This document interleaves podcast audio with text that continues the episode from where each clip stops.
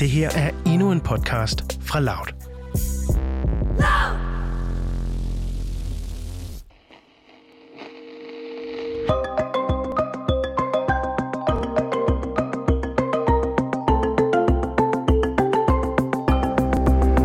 Du lytter til Udsyn. Din vært, Pola Roshan Bakker.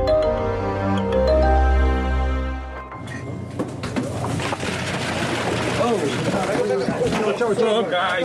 Let her out. Come on, go. Back up. Back up. Back up, back up, back up, back up. Come let her out. Let her out. Let her out. Let her walk. Normalt er de mange fotografer, de er vant til at se Britney Spears i fuld stjernemundering. Stylet, smilende. Men i aften er hun uden makeup. Hun er iført en forvasket grå hættetrøje. Hætten trukket godt ned over øjnene. Hun ligner faktisk en, der har, der har grædt. Grædt længe. De næste scener de er inden fra en frisørsalon i Los Angeles. Britney har en hårtrimmer i hånden, og hun kører den gennem sit lange mørke hår. She came in and she said she wanted her head shaved. The hairdresser refused, so she literally grabbed her the hair clipper and started doing it herself. And she said, "I don't want anyone touching me. I'm tired of everybody touching me." Og så eksploderede internettet. We will turn now to a story that is burning up the internet. It's just burning this it. morning. Yes. Britney Spears. She's bald. Ja, der er popstjerner, og så er der verdensstjerner. Og den unge sydstatspige Britney Spears fra Mississippi, hun hørte dengang til den sidste kategori, helt sikkert. Scenen fra frisørsalongen er fra 2007. Og dengang, der virkede det som om, at hendes liv var i frit fald. Og der var rigtig langt ned fra, hvor hun var vant til at befinde sig.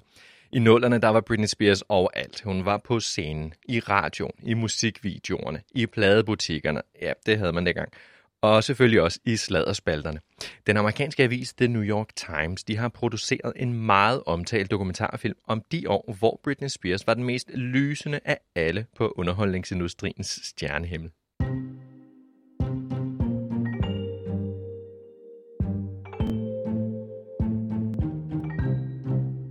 Dokumentarfilmen Framing Britney Spears, det er også historien om, hvorfor pokker amerikanerne op, måske ikke alle os andre, vi var så hysterisk optaget af en ung kvindes elendighed.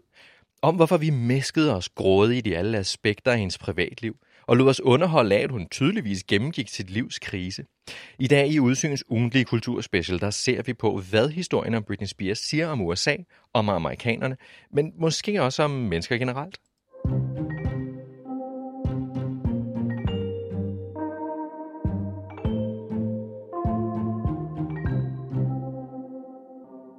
Dokumentaren, som TV2 har rettighederne til herhjemme, den blev offentliggjort i midten af februar, og den er altså gået verden rundt på bare få dage.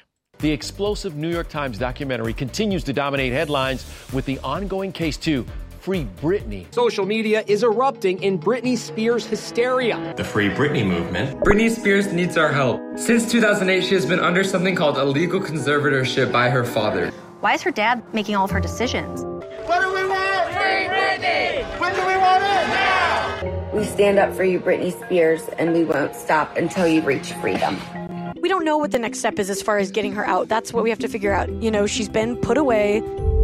Let's get her out. Free Britney. Free Britney. We love you, Britney. Det er særligt de her mennesker over hele verden, som dokumentaren stiller skarp på. Den voksende online-bevægelse af Britney-fans, der samler sig under hashtag Free Britney på de sociale medier. De ser gerne, at Britney Spears bliver sat fri af sin fars overmyndighed.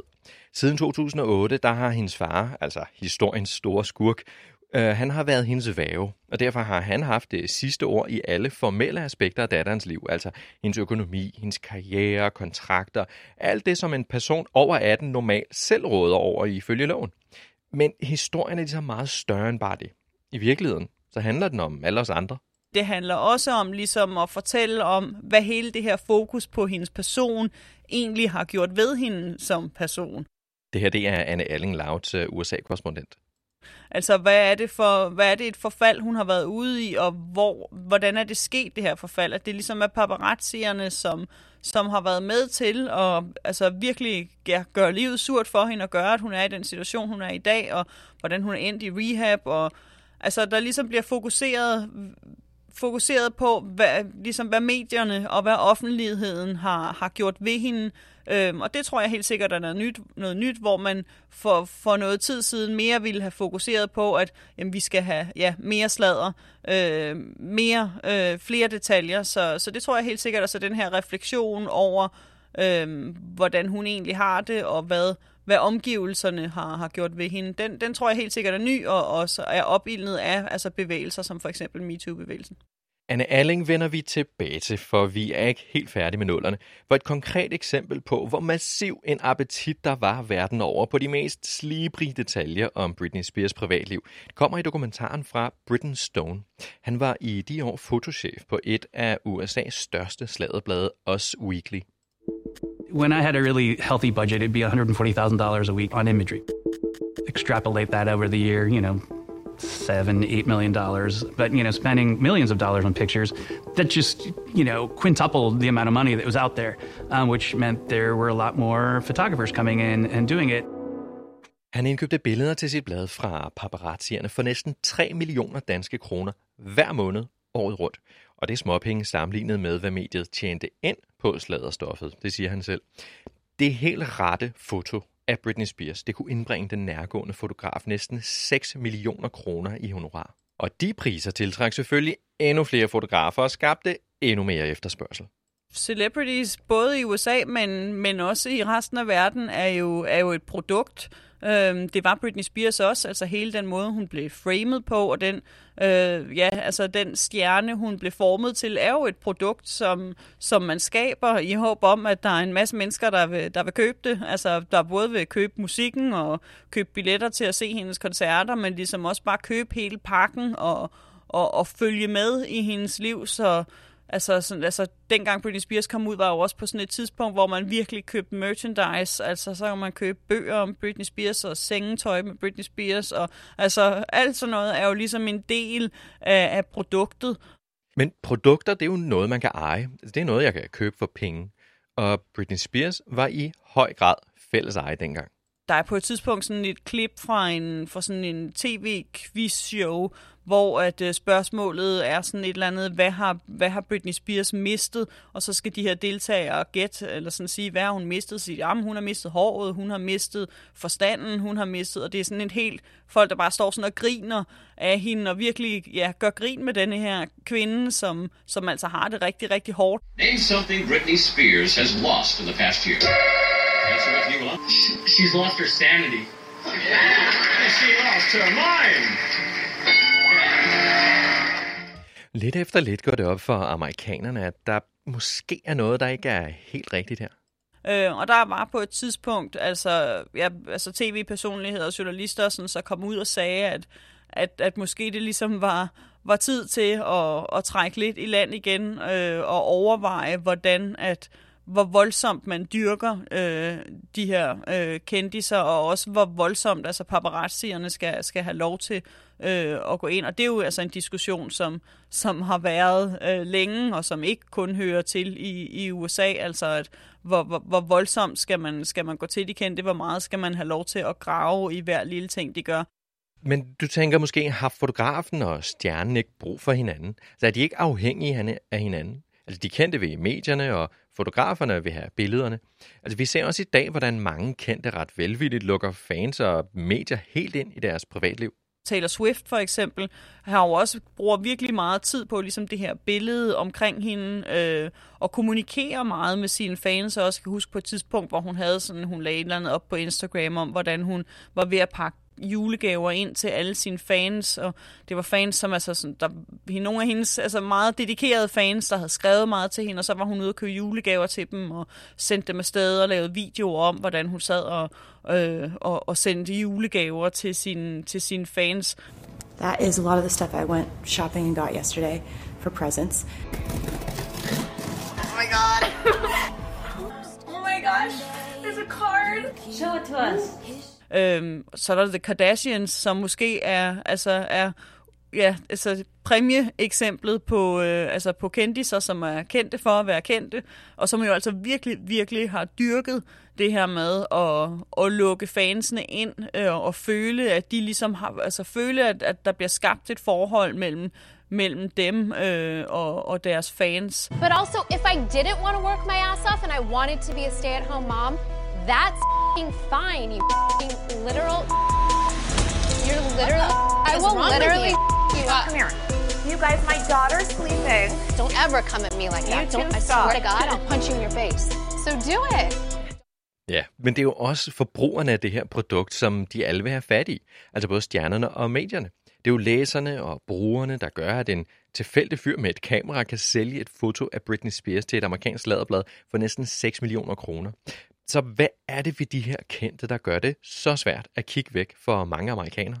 Jeg tror, i et land, hvor, altså, hvor der netop er så langt mellem, mellem top og bund, altså, så er det sådan enormt fascinerende at kunne følge med i, øh, i de her øh, voldsomt succesfulde menneskers liv, øh, og ligesom have dem som barn for, for, hvad man kan drømme om i USA. Altså den her amerikanske drøm om ligesom at, at, at lykkes. Øh, og det tror jeg, altså fordi at der ligesom er så, ja, så høj en bare for, hvor vildt du kan drive det i USA, så gør det dem jo ikke bare kun fascinerende for, for amerikanerne, men, men også for hele omverdenen. Altså jeg tror, langt de fleste har nok på et eller andet tidspunkt været inde og klikke på sådan et link på nettet om at se de øh, store amerikanske stjerners mansions, hvor man bare sidder og slet ikke kan begribe, at, at det her det er rigtige mennesker, som, som har det her liv. Og det tror jeg er enormt øh, fascinerende for mange. Og det er en betragtning, som den amerikanske sociolog Karen Sternheimer er meget enig i. Hun forsker i øh, forholdet mellem de kendte og deres publikum på University of Southern California, og hun står bag bogen Celebrity Culture and the American Dream. Og i forbindelse med udgivelsen, der uddybede hun på sine pointer på universitetets YouTube-kanal. Celebrity is kind of like a blank screen that we project our fantasies of a better life onto. It serves a purpose for providing us a steady stream of characters to debate uh, moral issues, to look at um, some of our concerns and anxieties about the present and also the future. Karen Sternheimer mener altså, at kendte menneskers øh, univers for os tilskuere, det er en stribe af moralske dramaer.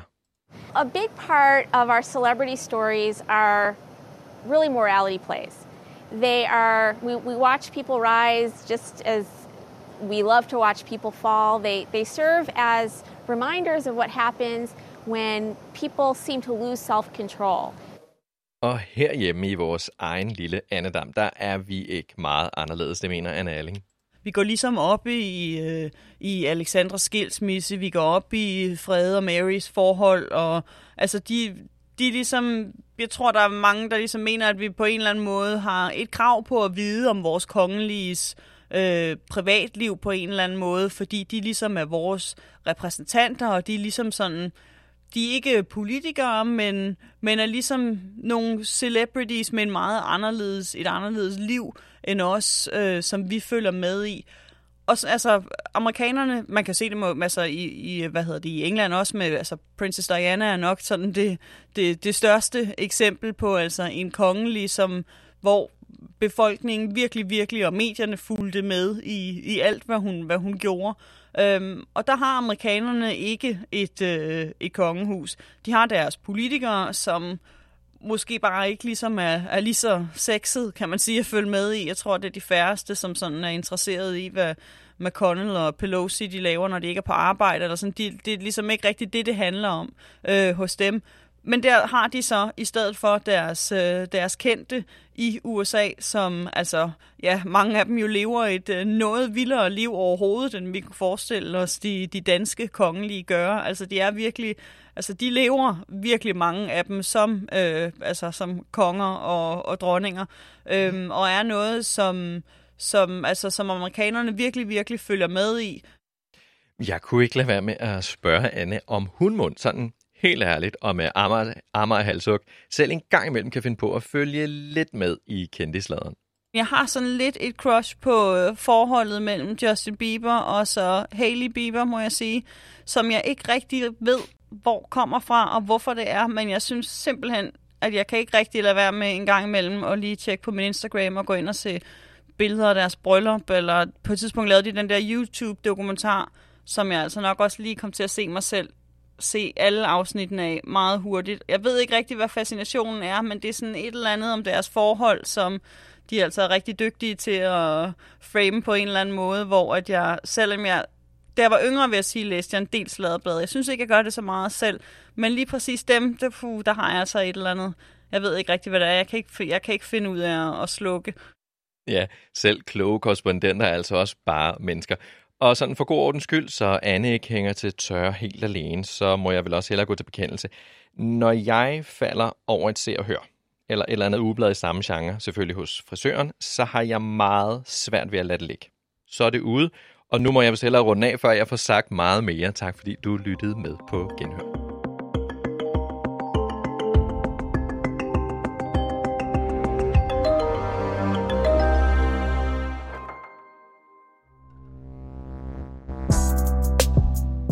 Det her var en aktuel podcast fra Loud.